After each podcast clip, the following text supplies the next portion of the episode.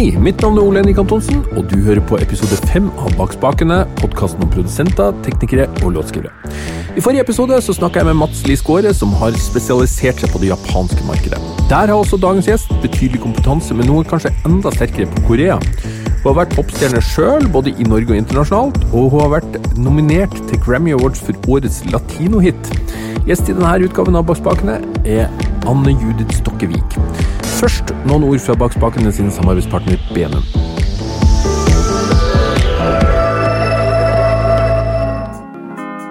Universal Audio lager autentiske emuleringer fra anerkjente analoge klassikere som Niv, Lexicon og API, og gjør de eksklusivt tilgjengelige med sine rack- og desktop-lydkort. Se hele utvalget fra Universal Audio og få de beste prisene på benum.no – bak spakene. Benum, norsk distributør av lyd- og musikkutstyr. Anne Judith Stokkevik, velkommen til Bakspakene. Tusen hjertelig takk skal du ha. Du er den eneste i denne podkastserien som har skikkelig erfaring med å sitte og snakke foran mikrofonen, sågar håndholdt. Ja, det er det i dag. Alle, alle de andre her, de har jo vært sånn, eh, de har sittet i studiohula i hele sitt liv, men du har jo faktisk Mhm. jobba i radio. Ja, jeg hadde en liten sånn kort uh, affære med radio fra 2005 til 2010. Da jeg jobba i eh, frokostshowet på Radio 1 i Trondheim. Eh, jeg var ankerkvinne da. Um, så det var gøy, det, altså. Veldig tidlig på morgenen. da. altså, når, man, egent- når man egentlig er musi musiker at heart, så er man liksom det er ikke helt en døgnrytme som, eh, som stemmer helt overens. Man er litt sånn mer, man liker å sitte opp om kveldene og natta og være kreativ og så sove litt lenger, da. Men det gikk nå i fem år, i hvert fall. Ja, ikke sant? Du, eh, det er ikke det vi skal prate om i dag. Nei. Eh, vi skal snakke litt om først og fremst et virke i design, og så skal vi ha en liten tur down the memory lane. Mm. Har du alltid holdt på med musikk? Ja, det er den typiske klisjeen at mamma sa jo at jeg sang før jeg kunne snakke. Um, Jeg var kanskje jeg var veldig annoying eh, på barne- og ungdomsskolen. Sånn, hver gang det er noen læreren spør er noen som vil bidra på juleavslutninga, noen som vil bidra på sommeravslutninga, så var liksom jeg bare sånn Ta meg, ta meg, ta meg, jeg vil gjerne synge! Uh, og jeg har faktisk et utrolig artig bilde tilbake fra en sånn jule, juleopptreden da, for klassen med foreldre og sånne ting, der jeg står i ringen. Da, da sitter liksom resten av klassekameratene mine rundt, liksom fortvila med hodet i hendene, at nå står jeg og synger igjen, liksom. Men jeg ga meg ikke uten sverdslaget, da. Nei. Spilte du noe annet instrument, eller? Jo, jeg fikk et piano eh, av besteforeldrene mine når jeg var seks år. Eh, høres ut som jeg var kjempebortskjemt, men de hadde bare ett barnebarn. da. Ja, da er det innenfor. De syntes det var veldig stas å få kjøpe meg et sånn her hvitt piano, Yang Chang-piano, eh, som jeg da begynte å gå til piano Jeg begynte å ta pianotimer. Um, jeg holdt på med det i ti år, eh, og det er begredelig å si det, men det begrensa hva jeg, hva jeg klarer å få til over de her svarte og hvite. Men eh, det er nok til at jeg i hvert fall klarer å, å skrive noen låter på de kordene jeg kan. da. Ja, men det har du jo klart. Ja. Eh, Så har man jo sånne YouTube-tutorials, og hvis det er noen sånn vanskelige jazz-chord, så kan man jo få litt hjelp der. Ja, ikke sant. Eh, Hvem var dine tidlige musikalske helter? Å, herlighet. Det er veldig blanda. Faren min husker jeg, han tok på meg ned i kjellerstua og så sa han, nå skal jeg vise deg ordentlig musikk. han gjorde ut. Og da satt han jo på The Doors Ja. og Roadhouse Blues, og jeg ble jo hekta med en gang. Uh, hadde jo et sånn dypt kjærlighetsforhold til, til Jim Morrison. Uh, ellers så var det, gikk det jo på hele Motown-katalogen. Faren min var jo en um, var jo glad i å samle på plater, uh, så han hadde masse masse forskjellig musikk. Led Zeppelin, Pink Floyd eh, altså Lionel Richie var jo var representert der. Også når jeg, jeg husker at han kjøpte Bad altså av Michael Jackson på kassett til meg, Ja. og da var jeg hooked. Da spilte jo i hjel den kassetten. Eh, og den måtte jo kjøpes på nytt igjen et par ganger. Um, og siden så gikk det jo i helter som Lenny Kravitz var veldig glad i. Så, så begynte jeg jo å synge, da, og da var det jo selvfølgelig Mariah Carey og Whitney Houston som uh, gikk på repeat. da. De store divaene. Det er ikke de verste heltene å ha. Nei. Men så ble du popstjerne sjøl i ganske ung alder. Ja, eh, det var litt artig. Eh, det var i siste året på videregående. Så begynte jeg også en i parallellklassen min, Glenn Lindmark, og så tenkte tenk at liksom Oi. Eh, vi må lage et band. og jeg var jo selvfølgelig Ja, ja, ja, jeg kan synge! Det er ikke noe problem. Ja, Det var som vanlig. Ja, eh, og det fikk jeg jo lov til. Og da eh, sula vi sammen en eh, tropp på fire. Eh, Det var jo meg og Frank Pedersen, Geir Vanvik og Glenn Lindberg. da, og Så måtte vi jo selvfølgelig ha en rapper, for det Ja. var jo veldig inn på tampen her på 90-tallet. Ja, ikke sant? Og da eh, var det noen som visste av en Papa Kwesi, eller Frank Larby, da, som han egentlig heter, som eh, holdt på litt med musikk. Og jeg var russ i 97, så den sommeren så var det Kutti Sark-festival i Trondheim. Nettopp. Eh, og tusenårsjubileum også, og den beste sommeren som det fortsatt snakkes om ennå den dag i dag, selv om vi hadde noen ganske fine somre etter det også. Ja, ingenting som slår 97. Men da i hvert fall fikk vi spilt inn en musikkvideo eh, på, under Kutti Sark-festivalen på en så stor sånn seilskip. Sedov heter den. Og fikk redigert den, og gått i Brygga studio og spilt inn en singel som heter for Summer Delight, og klaska det på bordet til Gunnar Hoidvik i Norske Gram. Og liksom, den her muligheten kan du lage av fra deg. Nei, ikke sant. Og det her er jo i den perioden der norske gram er på det aller største, ikke sant? Ja, og vi var jo på en måte Soda ble jo på en måte eh, raringene som var liksom i samme selskap som Åge.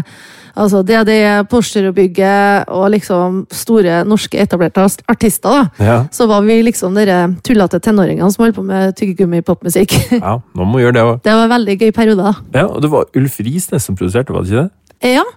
Um, vi skulle jo gå i Brygga studio og spille inn fullengde album. Um, vi tenkte jo liksom først Wow! Og uh, Ulf Risnes, liksom. Ja, vi kjente jo han godt fra Tre små kinesere. Men tenkte liksom, det, hvordan skulle det bli, liksom? Ja, Det tenkte jeg faktisk òg når jeg Ja. leste om det. Men det viste jo seg at det var jo en superkombo. uh, Ja. Fordi at han tilførte jo på en måte litt av sin sånn Beatles-mentalitet oppi liksom hodene til noen ungdommer som ville gjøre dansemusikk. Ja, ikke sant? Og resultatet ble jo at det ble veldig poppa, da. Så vi på en måte vi stakk oss litt ut ehm, i forhold til mer sånne reinspikka danceband som på den tida, f.eks. Infinity eller Reset, så hadde vi på en måte litt mer på en måte et litt mer akustisk preg, da. På en måte. Selv om det var veldig syntbasert. Ja, jeg syns kanskje det var mer gjennomarbeidet låter. Altså, det var jo gode popsanger. Det var kanskje både deres og Ulf sin Ja. fortjeneste. Han, eh, Ulf Risnes han syntes vi skrev jo fryktelig artige tekster, som han sa. Han kommenterte på ene låta vår som heter for uh, ene singel som heter Too Cool To Be Cool. Ja. Så sa han Ulf Risnes dæven, det her er så dypt, folkens. Det er som å stupe fra ei teskje. Eh, det var ganske spot on, da. Eh, Men fengende var det jo absolutt. ja. Det er ikke sant? Men du var ikke ferdig med å være popstjerne med Soda. Du gjorde flere forsøk, du. Ja eh, Etter to album med Soda um, Det ene gikk jo platinum, det andre gikk jo gull, så vi var jo strålende fornøyd. Um, så kom det vel til et punkt at jeg, jeg ville på en måte gå litt tilbake til det som jeg følte på det tidspunktet var, sto mitt hjerte nærmere, da, som var litt mer R&B-musikk. Mm. Og jeg hadde jo jobba med Stargate siden 1996 eh, som demosanger, og var opp der og skrev litt, og, og jobba med gutta Mikkel Eriksen og Halge Rustan, og Tor Erik Hermansen kom jo inn på et litt senere tidspunkt, i 98. Um, at jeg ville på en måte utforske den type sjangeren. Um, og jeg skulle jo egentlig signe med, med Stargate på det bandprosjektet deres allerede tilbake i, i sju- 97. Men da hadde jeg blitt så utålmodig at da hadde jeg hoppa på Soda. Ja. I mellomtida. Jeg husker Mikkel var ikke så veldig blid i telefonen til meg når jeg fortalte han at jeg nei, du skjønner, signa med Norske Grammer, så Men etter to plater så tenkte jeg at nei, nå skal jeg, nå skal jeg holde ord, og skal jeg gå tilbake. Så ringte jeg Mikkel og sa at eh, jeg tenkte å ta en liten sånn kunstpause fra Soda. Står tilbudet fortsatt ved laget? Og de sa ja, kom og signer. Så da, sånn ble jo bandet Stargate til, da Ja. var meg også en amerikansk rapper som var i det. Det var det jo to gode år i London med masse turnering og innspilling av fullengdes album. eh, gitt ut tre singler. Og så var eventyret slutt i januar i 2003. Da, etter å ha bodd da i London eh, i nesten tre år, så var det avskjed på grått papir. Da hadde plateselskapet vårt, Telstar, blitt kjøpt opp av Mercury Records, og de hadde droppa alle actsen, bortsett fra Craig David og et jenteband som het for Mystic. Det er kjipt. Så, så da var det tilbake back to the drawing board i Trondheim. Ja. Det var en ganske tøff periode, da. Der man på en måte begynte å tenke at oi, hva skal jeg gjøre med livet mitt nå hvis jeg ikke kan være i hermetegn popstjerne? ja. Hva gjorde du da? Å, herlighet! Å, så mye rart. Å, det var kaving på høyt plan. Eh, Det var virkelig Jeg prøvde å lage en EP sammen med en ekskjæreste, som bare egentlig ikke ble til noen ting. Eh, Vi syntes jo selvfølgelig det var kult på den tida, men jeg hører jo etterpå at vi var jo i den spede start. Eh, Men jeg hadde jo, hadde jo på en måte alltid kunnet lent meg på låtskrivinga, for jeg hadde jo skrevet låter gjennom hele perioden med Soda. Jeg hadde koskrevet låtene på det Stargate-albumet sammen med gutta, så jeg på en måte jeg hadde jo det litt i bunn. Så um, jeg tenkte liksom det her kanskje kan være en vei også. Man, man, tviv, man vil, jeg ville jo ikke slutte med musikk. Ja, selvfølgelig. Så høsten 2003, ja, ni måneder etter jeg kom hjem fra London, så fikk jeg en telefon av eh, Ronny Svendsen som sa Hei, jeg hører at uh, du er tilbake fra London. Jeg og en kamerat eh, her jobber i et studio på Bakklandet her i Trondheim. Jeg lurer på om du kan ta turen innom, se om vi kan gjøre noe. ting. Jeg husker jo at jeg var jo egentlig Jeg var så bakrus den dagen. At jeg tenkte liksom å herregud, orker jeg å dra meg ut av senga nå? Jeg vet ikke hvordan folk det der er, om det blir noe helt tatt blir noen ting av det. Altså, Er de noe flinke? Jeg hadde aldri hørt om dem før. Men så var det noen ting som sa i bakhodet så da, hva, hva annet har du gående akkurat nå? Ta, Dra på deg klærne, og så splæsj litt vann i ansiktet, og så går du ned til det studioet her. Og han åpna døra og gikk inn her og hadde et ganske trivelig møte der vi bestemte oss for å skrive noen låter sammen. Tanken var jo at jeg skulle skrive til soloprosjektet mitt. Ja. Så begynte vi å skrive låter, og så ble det på en måte skrev vi masse låter, og så tenkte jeg at nei, det er, låten er kanskje ikke helt meg, men vi kan jo gjøre den ferdig allikevel. Og så balla det bare på seg, og det viste jo seg å lansere en solokarriere i ja, i 2004 var vanskeligere enn man skulle tro. Det var jo, det var jo den tida det var før sosiale medier fikk sin brakstart. Du hadde, hadde på en måte noen plattform å vise deg fram på. Mm. Uh, annet enn på en måte å gå inn til plateselskap, sette deg ned, levere demo. Men altså, altså folk i bransjen kjente jo meg som tyggegummi-pop-Anne Judith. Og da når jeg skulle begynne å gjøre noe annet, så hadde jeg på en måte kanskje ikke den største troverdigheten når jeg skulle starte på den tredje type sjangeren. For å ha gått fra tyggegummi-pop til R&B, og så ville jeg gjøre litt mer rock. Og så skjønner jeg at folk ble litt forvirra. Jeg ble litt sånn faen, hvem er du egentlig? Ja. Eh, Det, sannheten var jo at jeg ikke visste det engang sjøl, men jeg visste at jeg hadde veldig mye musikk inni meg. Ja. Vi hadde jo en veldig bra dynamikk. Jeg, Ronny Svendsen, eh, Nerbin Harambasik og Robin Jensen. Der vi bestemte oss da for å på en måte bli et team da, her i 2004. Da ble vi liksom Design Music eh, og, og bestemte oss for at vi gjør det som Stargate gjorde. ja. Og det har dere faktisk fortsatt med i 15 år. Ja, det har vært en sånn serendipous journey. Ja, For det er dere fire som er design den dag i dag? Det er oss fire. Eh, og så har vi altså fått på en eh, kompanjong eh, som eh, bor i Korea, som heter for eh, Jin Choi. Eh, som på en måte har blitt en del av familien etter at han kom på Songexpo i 2012. Låtskrivercampen som vi holder hvert år i Trondheim. Ja. Og Ronny han ble jo en del av familien på en, på en litt annen måte også. Ja, Ronny han er jo både min kollega og samboer. det sa jo på en måte pang den dagen han åpna døra i studio, den dagen jeg klarte å rive meg ut av senga. Ja. Eh, Så siden da så, så ble det oss, da. Både i, i jobben og i kjærligheten. Og sånn har det nå vært siden. Det er kjempebra. Ja, det er veldig bra. Da har du egentlig svart på mitt neste spørsmål. Mm. Det går an å, å kombinere et liv som låtskriver sammen med, med et samliv. Absolutt. Det kan jo være litt sånn at uh, vi vet jo ikke noe annet. Vi begynte jo å jobbe sammen fra dag én, sånn at uh, det ble en sånn veldig sånn naturlig uh, greie. Um, det ble ikke sånn at Altså, hvem vet hvis vi hadde starta og vært sammen, og så hadde for seg ulike jobber, og så skulle ha begynt å jobbe sammen etter seks år. Hvem vet om at, at kanskje visa hadde vært annerledes. Men jeg tror det er liksom sånn, vi vet ikke noe annet. Vi passer veldig godt sammen, både eh, personlig og liker den samme type musikken. Har den samme tilnærminga til låtskriving og produksjon. Og er veldig sånn i synk, da. Mm. Så er det jo en enorm trygghet, for den bransjen her er jo tøff. Definitivt. Å ha noen som virkelig forstår hva det er du gjennomgår på en daglig basis. Alle rejections, alle oppturer, alle nedturer, Mm. alle omveier. Og som for, du kan ha på en måte du har, Man har ryggen til hverandre, og Mm. det har vært en enorm trygghet å ha. Og det tror jeg vi begge er takknemlige for. Jeg, jeg tror jo det er det vanskeligste. Altså det å holde ut. Det å All den tida det tar, for man leser om de, det går så fort. Men, men, men generelt, det, det tar jo utrolig lang tid. Alle snakker med nå, Ja. det, de sier bare det samme.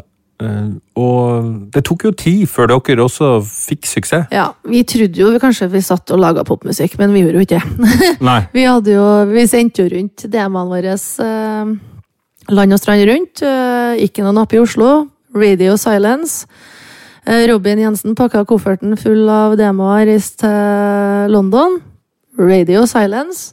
Helt til det var en svenske i 2006 som svarte. Og han var kanskje den eneste som svarte på, på e-mailer. og og alle forsøk på kontakt, det var Pelle Lidell, som da jobba i Universal eh, i Stockholm. På eh, Universal Music Publishing. Og Pelle Lidell var ingen som helst vanlig svenske. Han hadde hatt enorm suksess like før Ja. med Merlin. Ja. ja. Han er jo en mann som eh, har pitcha Toxic til Britney Spears. eh, eh, så han har så mange hits under beltet, så at når han foreslo at han skulle være skittfilteret vårt, så hoppa jo vi i taket. At han på en måte skulle være mentoren vår, og hvis han gitt oss hjemmelekse og skulle levere to låter i uka til han, som han på en måte skulle gi kritikk på, da. Og det var jo så spennende. Jeg leverte eh, to låter på fredag og venta på mandags ettermiddag der dommen kom, da. han, var jo ikke, han var jo ikke alltid like snill, men han var jo veldig ærlig. Ja. Eh, Så det var masse sånn 'This is awful', 'Who's singing', it's Ja, don't Skjønner. Ikke Ja, det, var, det var kompromissløst. Det var ingenting bomull, ingenting Nei, absolutt ingenting. Det er bare så Scratche det her tilbake til tegnebrettet. Det her er elendig. Det her er ikke en poplåt. Hva er det dere driver med? Men sakte, men sikkert, da, så um, Altså, det er jo litt med det her med kvantitet òg. Man må skrive mange låter for at man skal på en måte det er litt sånn som Ed Sheeran sier, da. Du skrur på en kran, så kjenner du masse dritvann først. Ja. Men krana må stå på en stund, og så får kvitte seg med driten, og så begynner det å komme gull. Ja. Uh, og det er jo helt riktig, for da etter hvert så begynte vi å få Sa han ok, den sangen er bra, den pitcha jeg til so and so labels, og så begynte vi å få noen cuts.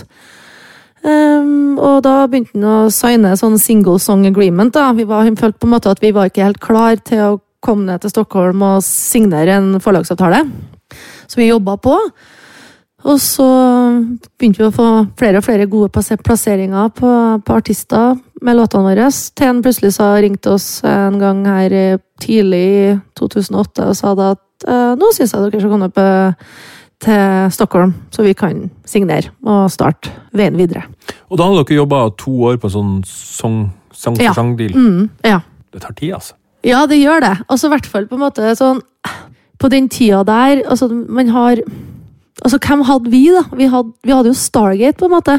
Mm. uh, å se opp til.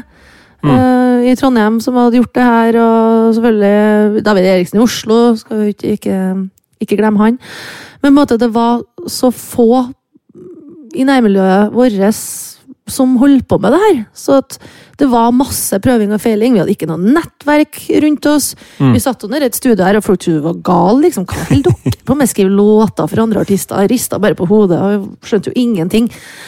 Men uh, vi hadde jo trua på det vi gjorde, og, og det smakte jo enda bedre når en stor eh, figur som Pelle Lidell plutselig har trua på oss. Og, Selvfølgelig. og um, han introduserte oss da, husker jeg også, på signeringsmøtet til K-pop, og vi bare tenkte å herregud, hva er det her for noe? Ja. Vi vil til USA! Han bare sånn, slapp av nå. Slapp av nå. Hør på det her, hør på de låtene her, og, og analyser litt. Um, og kan dere gjøre det her, liksom? Vi gikk nå tilbake igjen og hørte på, så ble det det faktisk um, det vi begynte å satse på. Så Pelle hadde Korea fra dag én, det var det han tenkte på? Ja, han hadde liksom han, Nesten som han, han hadde et sånt lurt blikk, så sa han jeg sitter på ei gullgruve. som, som ingen, eh, eller veldig få i Vesten, vet om. da. Eh, Det er jo det asiatiske markedet, og hvor mye fysisk salg faktisk av CD-er det er der borte. Ja. Og mm, hvor mye uttaling du kan få da på å ha en singel, ikke sant. Og dette var jo i tida at streaming hadde jo ikke det visste vi jo ikke hva var, og det var jo bare ulovlig nedlasting og LimeWire og bare sånn der uh, tull. Så at uh, vi hadde jo faktisk et godt år, norskt år, i 2007. Med Wenche Knutson, Maria Redondo, Lilly Jets, Visnu, sånn forskjellig. Men eh, vi så jo på, på avregninga at det her kan vi jo ikke leve av. Nei. Vi kunne ikke det. For det var ikke noe platesalg. Det var på en måte i det vakuumet når CD-salget stupte, og før streaming og, og iTunes, da. Mm. Så da sa Pelle at nei, men um, jeg har løsningen. Skriv k-pop. Uh, der selger de fortsatt CD-er. Og um, et år etterpå, ganske nøyaktig et år etterpå, faktisk, etter signeringa, så hadde vi vår første store hit i Asia da, med koreanske jentebandet Girls Generation og en låt som het for Genie. Ja. Og han viste jo seg å ha helt rett, for at um, den låta faktisk ti år etterpå tjener vi jo på ennå. Jeg tenkte, -hmm. Men har de fortsatt fysisk salg der borte? Å ja. Masse. Ja. Selvfølgelig. altså Streaming begynner jo å bli, bli uh, introdusert der òg. Altså, det eksisterer jo der, men det er en helt annen fandom, vet du. Uh, K-pop-fans. Uh, og j-pop-fans. Det japansk pop, da. Mm. Det en helt annen fandom. Altså, hvis plateselskapet gir ut ei plate, ut i fem, samme plata i fem forskjellige farger, så skal de mest dieharde fansene ha den plata. I alle fargene. De skal ha repackaginga som kommer seks måneder senere, med de samme låtene, kanskje pluss to nye låter. De skal ha DVD-en av musikkvideoene. altså And the list goes on and on. ja. De skal ha ting. Ja, De skal holde i handa. Det er vakkert. Ja, det er herlig. Det er sånn som det var i gode, gamle dager. ja, sånn, sånn skulle det ha vært. Benum er norsk distributør av studio- og musikkutstyr fra bl.a. Shore, Universal Audio og Genelec. Bli pro-kunde og få muligheten til å handle med de beste prisene på bl.a. lydkort, mikrofoner og kabler fra noen av verdens mest anerkjente merkevarer. Se benum.no bak spakene for mer informasjon. Benum, norsk distributør av lyd- og musikkutstyr. Men de hører fortsatt på Spotify og Apple Music og sånn? Ja, det, ja, det gjør de, men altså, de må ha plater. Altså, du er ikke en ordentlig fan hvis Nei. du ikke har plater og kan ha, den i handa. Hvis Ja. du meg. Det er to store markeder, egentlig, i, i Asia. Det er um, Ja. Korea og Japan. Dere har jobba begge steder. Ja, for det er de som legger mye av føringene for, de er- for de andre asiatiske landene. De er veldig sånn i front på trender. Det er på en måte mot Korea jeg føler folk kikker, da. Ja. På det som er liksom er, er kult. Eh, nå er jo j-popen og k-popen ganske ulik. Det begynner vel kanskje å nærme seg litt mer nå, men som vi starta, så var det to helt forskjellige musikksjangre. Eh, J-popen hang litt mer igjen i jazzlandskapet. Mens, eh, mens eh, k-popen var litt mer vestlig vridd, da, men veldig sånn, hadde veldig sin egen identitet. Det er mye mer akkorder i, i k-pop enn i vestlig musikk for tida. Er det ikke det?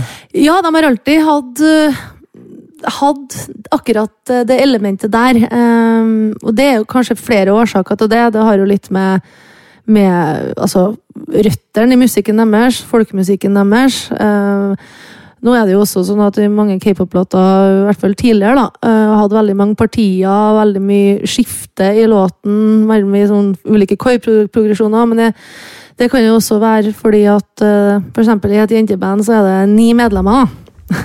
og alle sammen må ha en del å synge. Ja. For hvis ikke så blir det jo drama. Ja. Så alle sammen må ha en del i låta der de kan skinne, da. Ja. Um, det er jo ikke uvanlig at det er sånn, at du har 24 medlemmer i et band. Wow. Så at, eh, klart at det, det former jo musikken på sin måte, det òg. Eh, ja, hvordan forholder dere dere til det? Det når dere skriver låter, er det, eh, er det pitch da, eller altså, sier noen at det er 24 som synger her, eller, eller lager dere låtene bare sånn Det er litt på begge måtene, egentlig. Vi får jo en såkalt brief fra plateselskapet rundt omkring hver måned. Eh, Der det står hvem det er, hvilke band som ser etter nye låter, hvilke typer låter de skal ha. Også noen linker til referanse. eh, Referanselåter, da. Som eh, her ser vi etter en, på en måte en lignende melodiføring. Ofte så refererer de til tidligere utgitte låter av samme person. Enkelte ganger så kan, går går vi bare rett til tegnebrettet og tenker at nå skal vi bare lage en kul låt. Kanskje man bare har artisten i, i bakhodet, men ikke noe spesielt stil, eller, eller altså, hvordan låten skal høres ut, men på en måte eh, tar, det, tar det som det kommer, skal du si. Ja, ikke sant? Hvor- Hvordan er den k-pop-scenen nå? Er, det, er k-pop én ting, eller er det mange stilarter? Ja, det tok meg litt sånn tid å finne ut, liksom Jeg så jo bare, på begynnelsen så så jeg jo bare Ja, det her er bare fem, fem boyband, og det er boyband, liksom, og det her er jentegruppa. Men nå ser jeg jo det at det er klare, i hvert fall med den labelen vi jobber med eh, mest i Korea, som er SM Entertainment.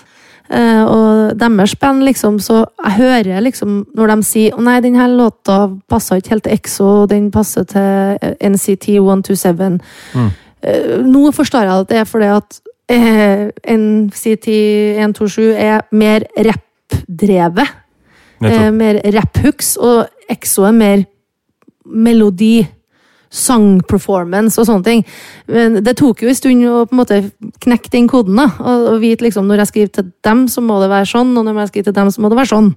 Er kanskje sånn eh, Mulig jeg tråkker på noen tær når jeg sier det, men jeg syns at jentebandene kanskje er mer homogen enn guttebandene igjen. For der er det Det er jo en kulturell greie, ikke sant? De skal være veldig søte. Eh, ikke noe vulgær, ikke noe veldig tøff i trynet. Så det blir veldig sånn snille sanger, da. Ja. Eh, mer i jentelandskapet enn at guttene på en måte lar dem ta flere sjanser. Men, eh, men eh, det forandrer jo seg hele tida. ja, selvfølgelig. Men tekstene, er de koreanske, eller er de engelske, eller er både òg? Alle tekstene vi skriver, er mm, skrevet på engelsk. Ja. Um, men de er veldig opptatt av konsepter. Sterke konsepter, sterke øh, ord som øh, fanger oppmerksomheten. Mm. Når de skriver om teksten til um, koreansk, så beholder de gjerne eh, ja, uh, hooket, altså noen ord i refrenget.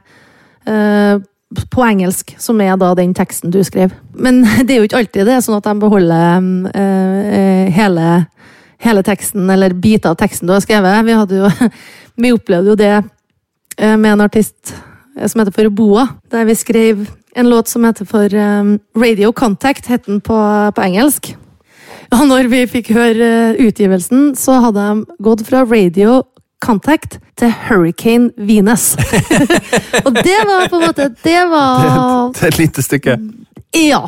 Melodien var det samme, da, men uh, Ja. det var en helt uh, annen låt, Uh, ja, tematisk, da. Ja, ikke sant? Eh, eh, min oppfattelse av det her er at eh, koreanerne de har vært veldig opptatt av å nå ut til resten av verden, mens japanerne de, ja, nei, vi holder på med vårt her. Mm. Det er en stund siden jeg har vært i LA nå, men eh, forrige gang jeg var der, så jeg synes jeg var ute og kjørte bil og kunne ikke slå på radioen uten at det var reklame for k-pop. Og det virker som de har lykkes med å nå ut med det. Veldig. Det er jo Big Hit eh, Entertainment som på en måte har eh, virkelig mm, fått seg et navn da, internasjonalt med, med BTS. eh, og mm, de har gjort veldig smarte ting. Eh, De har jo fått collabs med amerikanske store artister. Det er jo nå alle andre labels eh, i Korea og hige etter. Akkurat hvordan irrgangene i Big Hit Entertainment er kontra de andre, og hvilke kontakter de har under bordet og sånne ting, det, det vet ikke jeg. Men at, de, at det er et eller annet de har gjort annerledes og fått til, det er det ingen tvil om. For eh, de har virkelig satt eh, k-pop på verdensagendaen skulle du si, når det kommer til musikk. Og det har på en måte forandra gamet, egentlig. Ja. Det, det slår egentlig begge veiene. K-popen blir mer vestlig orientert. Eh, ligner litt mer og mer på, på, på vestlig musikk. Og vestlig musikk blir inspirert av k-pop. Ja. Om det så er da uttrykket visuelt, eh, mote, korder som velges, blant annet den, eh, den siste Ariana Grande-låten, som jeg ikke husker navnet på. Når jeg satt på den på Apple Music, tenkte jeg det her kunne ha vært en k-pop-låt. ja. Uh, Topline-messig, korder, hele komposisjonen, liksom. Det her, det her høres ut som Red Velvet. Så det har skjedd veldig masse på de siste to-tre årene. Som jeg tror gjør at uh, vi kommer til å se en tilnærming mellom vestlig og, og koreansk popmusikk. da. Ja, Vi har snakka mye om Korea nå, men dere har jo også eh, hatt en viss suksess kan man si, i eh, Latin-Amerika, og, og er mye i LA. Ja, eh, vi reiser dit eh, den, nå på fredag. Da skal vi være der i fem uker og jobbe med amerikanske låtskrivere og produsenter. Vi har også med oss en norsk artist eh, som vi holder på å jobbe fram. En ung gutt på 18 år. eh, Kjempeflink. eh, Lager, synger som en gud, eh, skriver melodier, produserer sine egne tracks. Eh, Så det blir spennende. Vi skal se hva vi får til der borte. Jeg kan ikke si så veldig mye mer. Jeg er hemmelighetsfull der, altså. Men det var det her med Latin-Amerika. Eh, Latin-Amerika hadde vi jo Vi hadde jo noen mindre utgivelser i latinske markedet, men vi på en måte traff jo en fulltreffer med, med Ricky Martin, da, så vi egentlig si. ikke Den kom helt fra venstre, egentlig. Ja, hvordan kom det i stand? Hva skjedde? Det var Vi satt i Trondheim her i, i mars. Ja, fulgte på varmen. Jeg følte på varmen, ja. Så snøflakene eh, hagla ned utafor eh, vinduet i Fjordgata. Det var guffent. Eh, Men vi starta med et trekkspillhook. Ja! Og som, som var litt sånn fengende, og så um, på en måte gjorde en veldig sånn røff demo av det, og la egentlig låten litt til side. Helt til vi dro på en uh, låtskrivercamp i Danmark i, i mai. Der på en måte Oi, nei, tenk kanskje at vi skal plukke fram den fra glemselen og, og liksom spille den i rommet for de andre vi skrev og liksom ta tempen på om de syntes at det her var noe spennende. Og da fikk man litt innspill, og så ble vers og pre og sånn skrevet. og Det var faktisk jeg som gjorde demoen. Ja, okay. Så Det var jo ikke tenkt at det automatisk skulle være en herrelåt, men så uh, Han ene co-writeren vår, han, um, han gjorde en mannlig demo, og vi fiksa en uh, kul produksjon. Og så sendte vi det til forleggeren, som vi da igjen sendte jeg til Alex Gallardo i Sony Latin. Som da stoppa pressa, på en måte. Han eh, kom, kom tilbake med en gang og sa Vent, vent, vent, vent, vent. Det her skal vi ha. Ricky Martin har allerede skrevet et album. Han har singelen sin klar, men vi scratcher alt. Og vi tar låta her, og det er den, den som vi går med som første singel, på en måte, som leder hele neste skiva hans. da. Fett. Og det var liksom sånn Hæ? uh, ok, ja, det kan jo bli kult. Og de eh, ville jo ha en slags duett, da.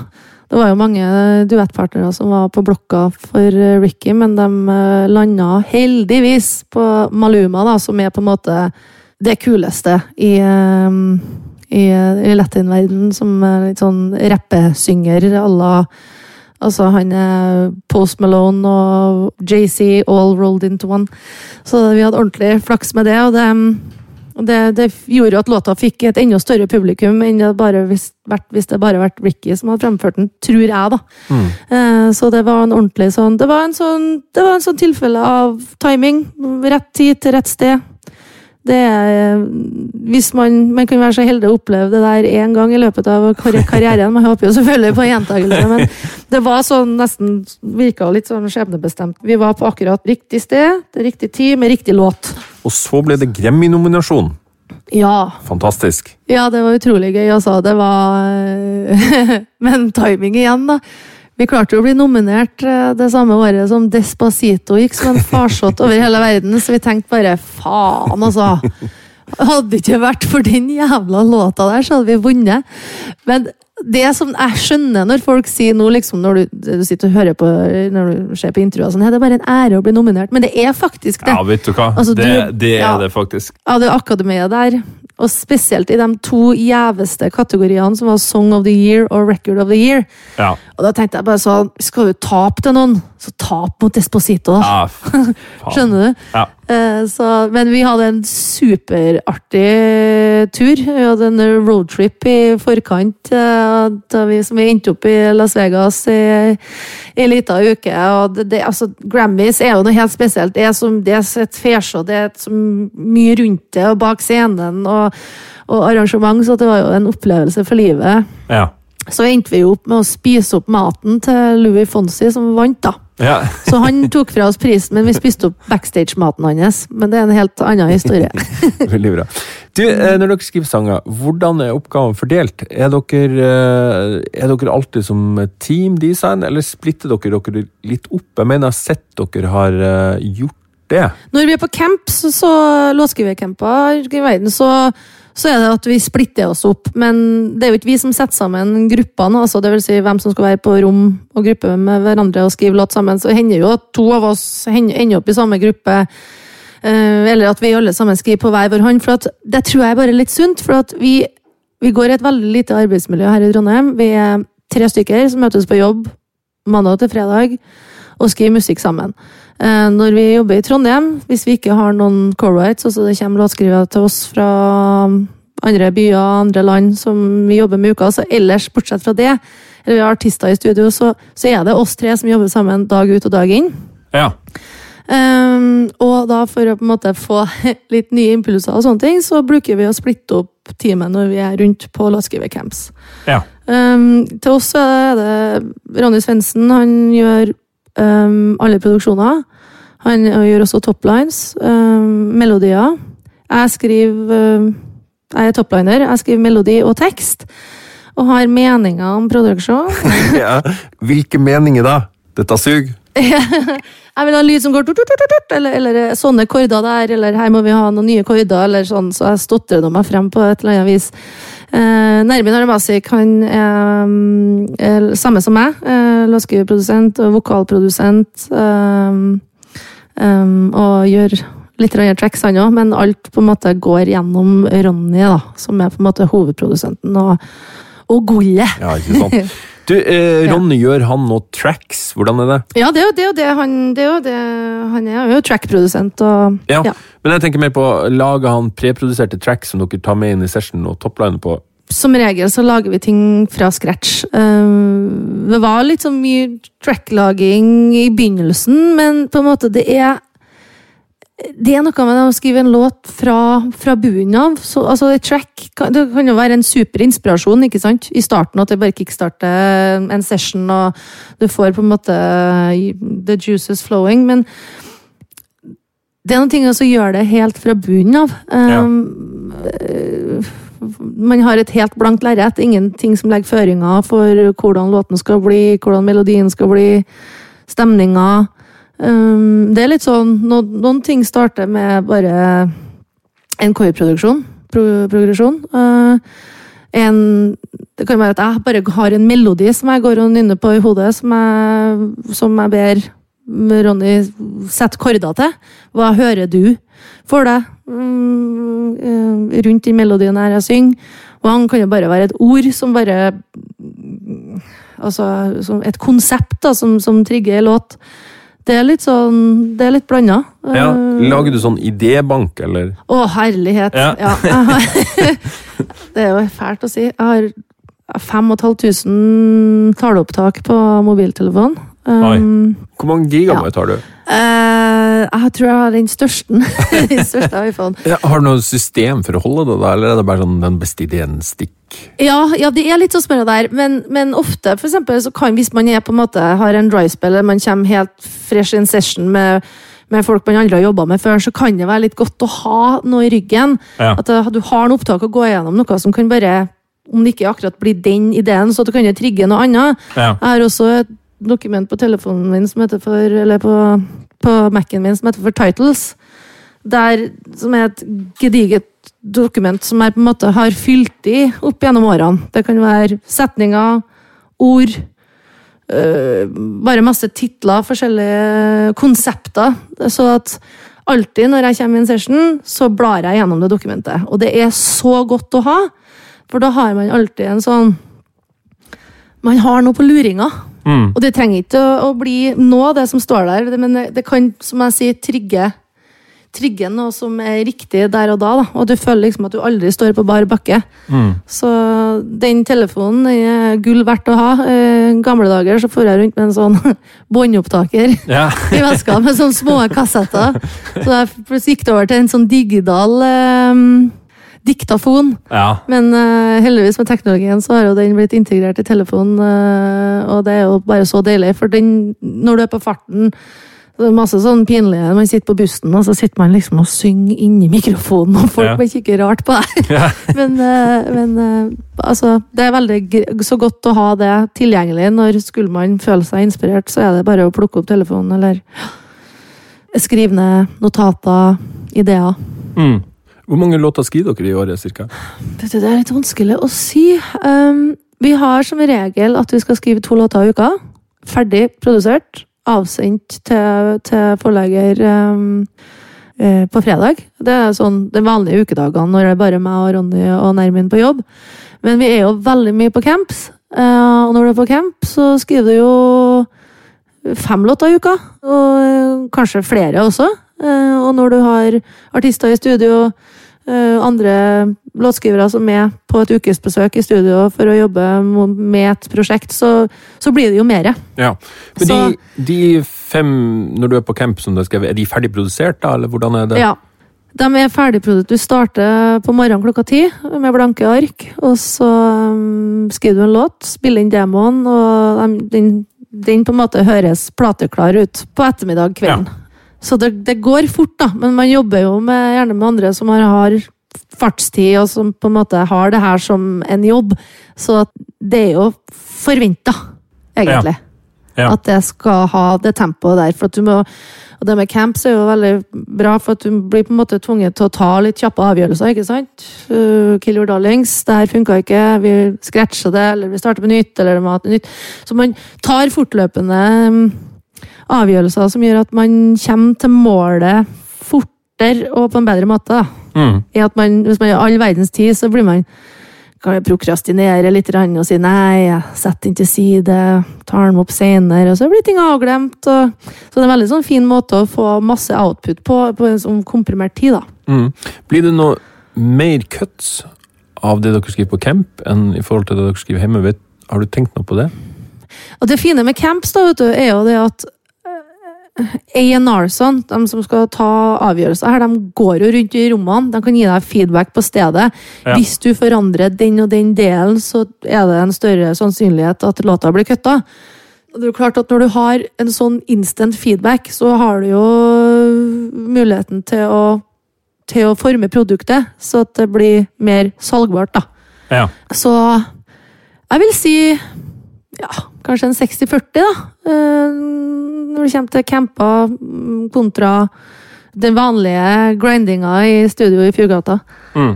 Ja. Mm. Du sier dere er veldig mye på camper. Hvor ofte er dere ute? Um, vi er i hvert fall i Korea to til tre ganger i året. Og så har vi jo den årlige låtskrivercampen i Trondheim i eh, månedsskiftet juni-juli. Um, Som er da består av en nasjonalcamp, nordisk camp og en internasjonal camp. Eh, Som går over 14 dager. Um, og så er Hva heter den campen? mm, Songexpo, heter det. Nettopp. Songexpo. Ja, Trondheim Songexpo. Og så drar vi jo jevnlig til Stockholm, til Ecolab der. eh, Som er på en måte studiokomplekset til det forlaget vi er på nå. Så det blir en del farting, og det er jo en god del folk som kommer til Trondheim for å skrive med oss også, så at det er mange ulike konstellasjoner i løpet av et år. Ja. Du må fortelle litt om Ekko, for det er det som dere har starta med, Ja. med Pellidel og Og eh, Robin Jensen og, og SM Entertainment, da. i Korea. Ja, Ekko Music Rights er jo på en måte forlagsbiten av SM Entertainment. Det er kontorer i um, USA, i um, Stockholm, i Tyskland, i Korea, eh, England. En hovedkontor eller på en måte ligger jo i, i Stockholm. Der sitter Pelle Lidell og, og Robin Jensen har jo flytta på seg fra Trondheim til Stockholm. Han, han bor i Stockholm nå, eller? Han bor i Stockholm nå. Eh, han har bodd der i eh, ja, tre år, er det vel. Så nå er det bare oss tre igjen i Trondheim. Ja. Eh, det har vært veldig artig um, å på en måte få være med og fra starten på et sånt forlag som har hatt så masse suksess på, på kort tid. Eh, det å starte opp et forlag, det er jo sånn Det går jo ikke akkurat eh, med det, det svarte tall i starten. Eh, det skal jo startes eh, på scratch, og man skal begynne å ha utgivelser som begynner å generere penger.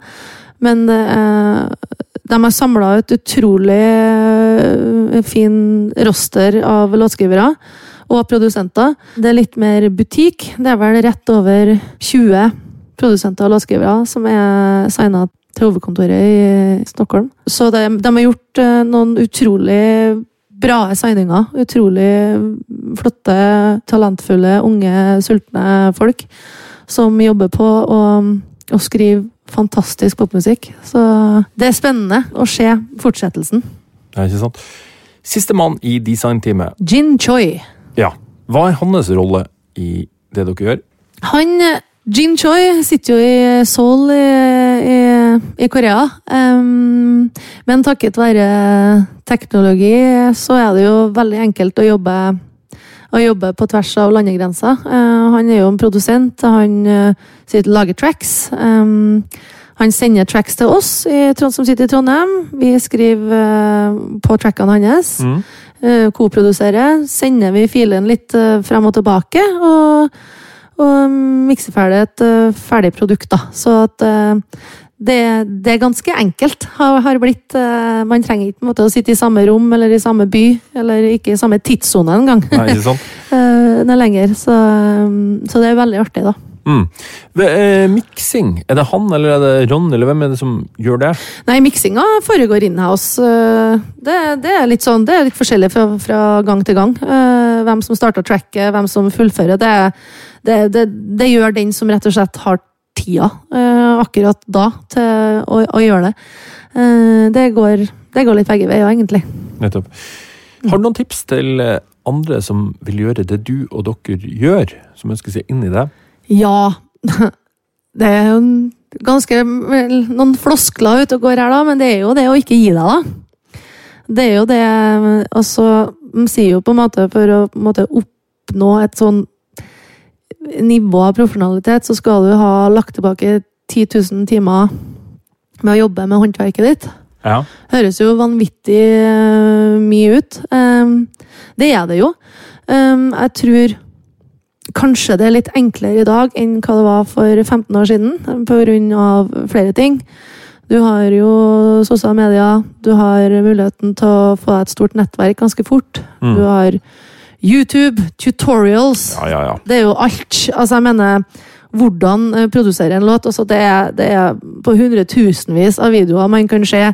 Man, kan, eh, man trenger ikke å sitte i et stort studio lenger. Du kan sitte på på gutterommet, jenterommet, ja. og ha en laptop, lydkort og en mic, så er du på en måte i gang. Det er bare kreativiteten som setter begrensninger for deg. Skriv masse låter. Skriv de dårlige låtene òg. Du lærer deg på en måte, etter så mange låter du skriver, at du kanskje ser at oi, den her er kanskje ikke så bra, så den legger jeg bort og starter på nytt. Eh, jeg tror dess flere låter du skriver, dess bedre er det, for at du lærer noen ting for, for hver låt du skriver. da. Du blir bedre av å skrive mange låter. Du må ha kvantitet for å få kvalitet. Ja, det er akkurat det.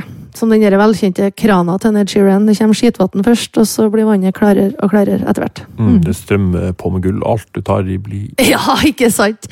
Da tror jeg det er veldig viktig at, uh, at man på en måte jobber sammen. Vær åpen for konstruktiv kritikk fra folk som har gjort det lenger eh, enn deg sjøl. Ja, det kan være ganske vanskelig. Det der å ikke ja. ta det personlig. Nei, du kan ikke det. Fordi at um, Jeg tror du har Altså, med en gang du du slutter å snakke sjøl, og så åpner ørene dine, så er det utrolig masse du kan lære. altså. Det er masse verdifullt uh, du kan få med deg hvis du bare klarer å ikke ta det personlig. Ja, ikke sant. Det er det som er så lett og så vanskelig på samme tid. Ja, uh, er det noe mer å legge til? Ja. Uh, nei, jeg har jo veldig lyst til å be folk til å melde seg på Songekspo, da som feirer tiårsjubileum ja, neste år. Ikke sant? Jeg har aldri fått reist på Song Expo. Du må komme. Du vet hva, Det her er superlyst men eh, et ting som har vært problem hvert år, det er at for meg som ja. har skolebarn, så er det altså første uka i ferien min hvert eneste ja. år.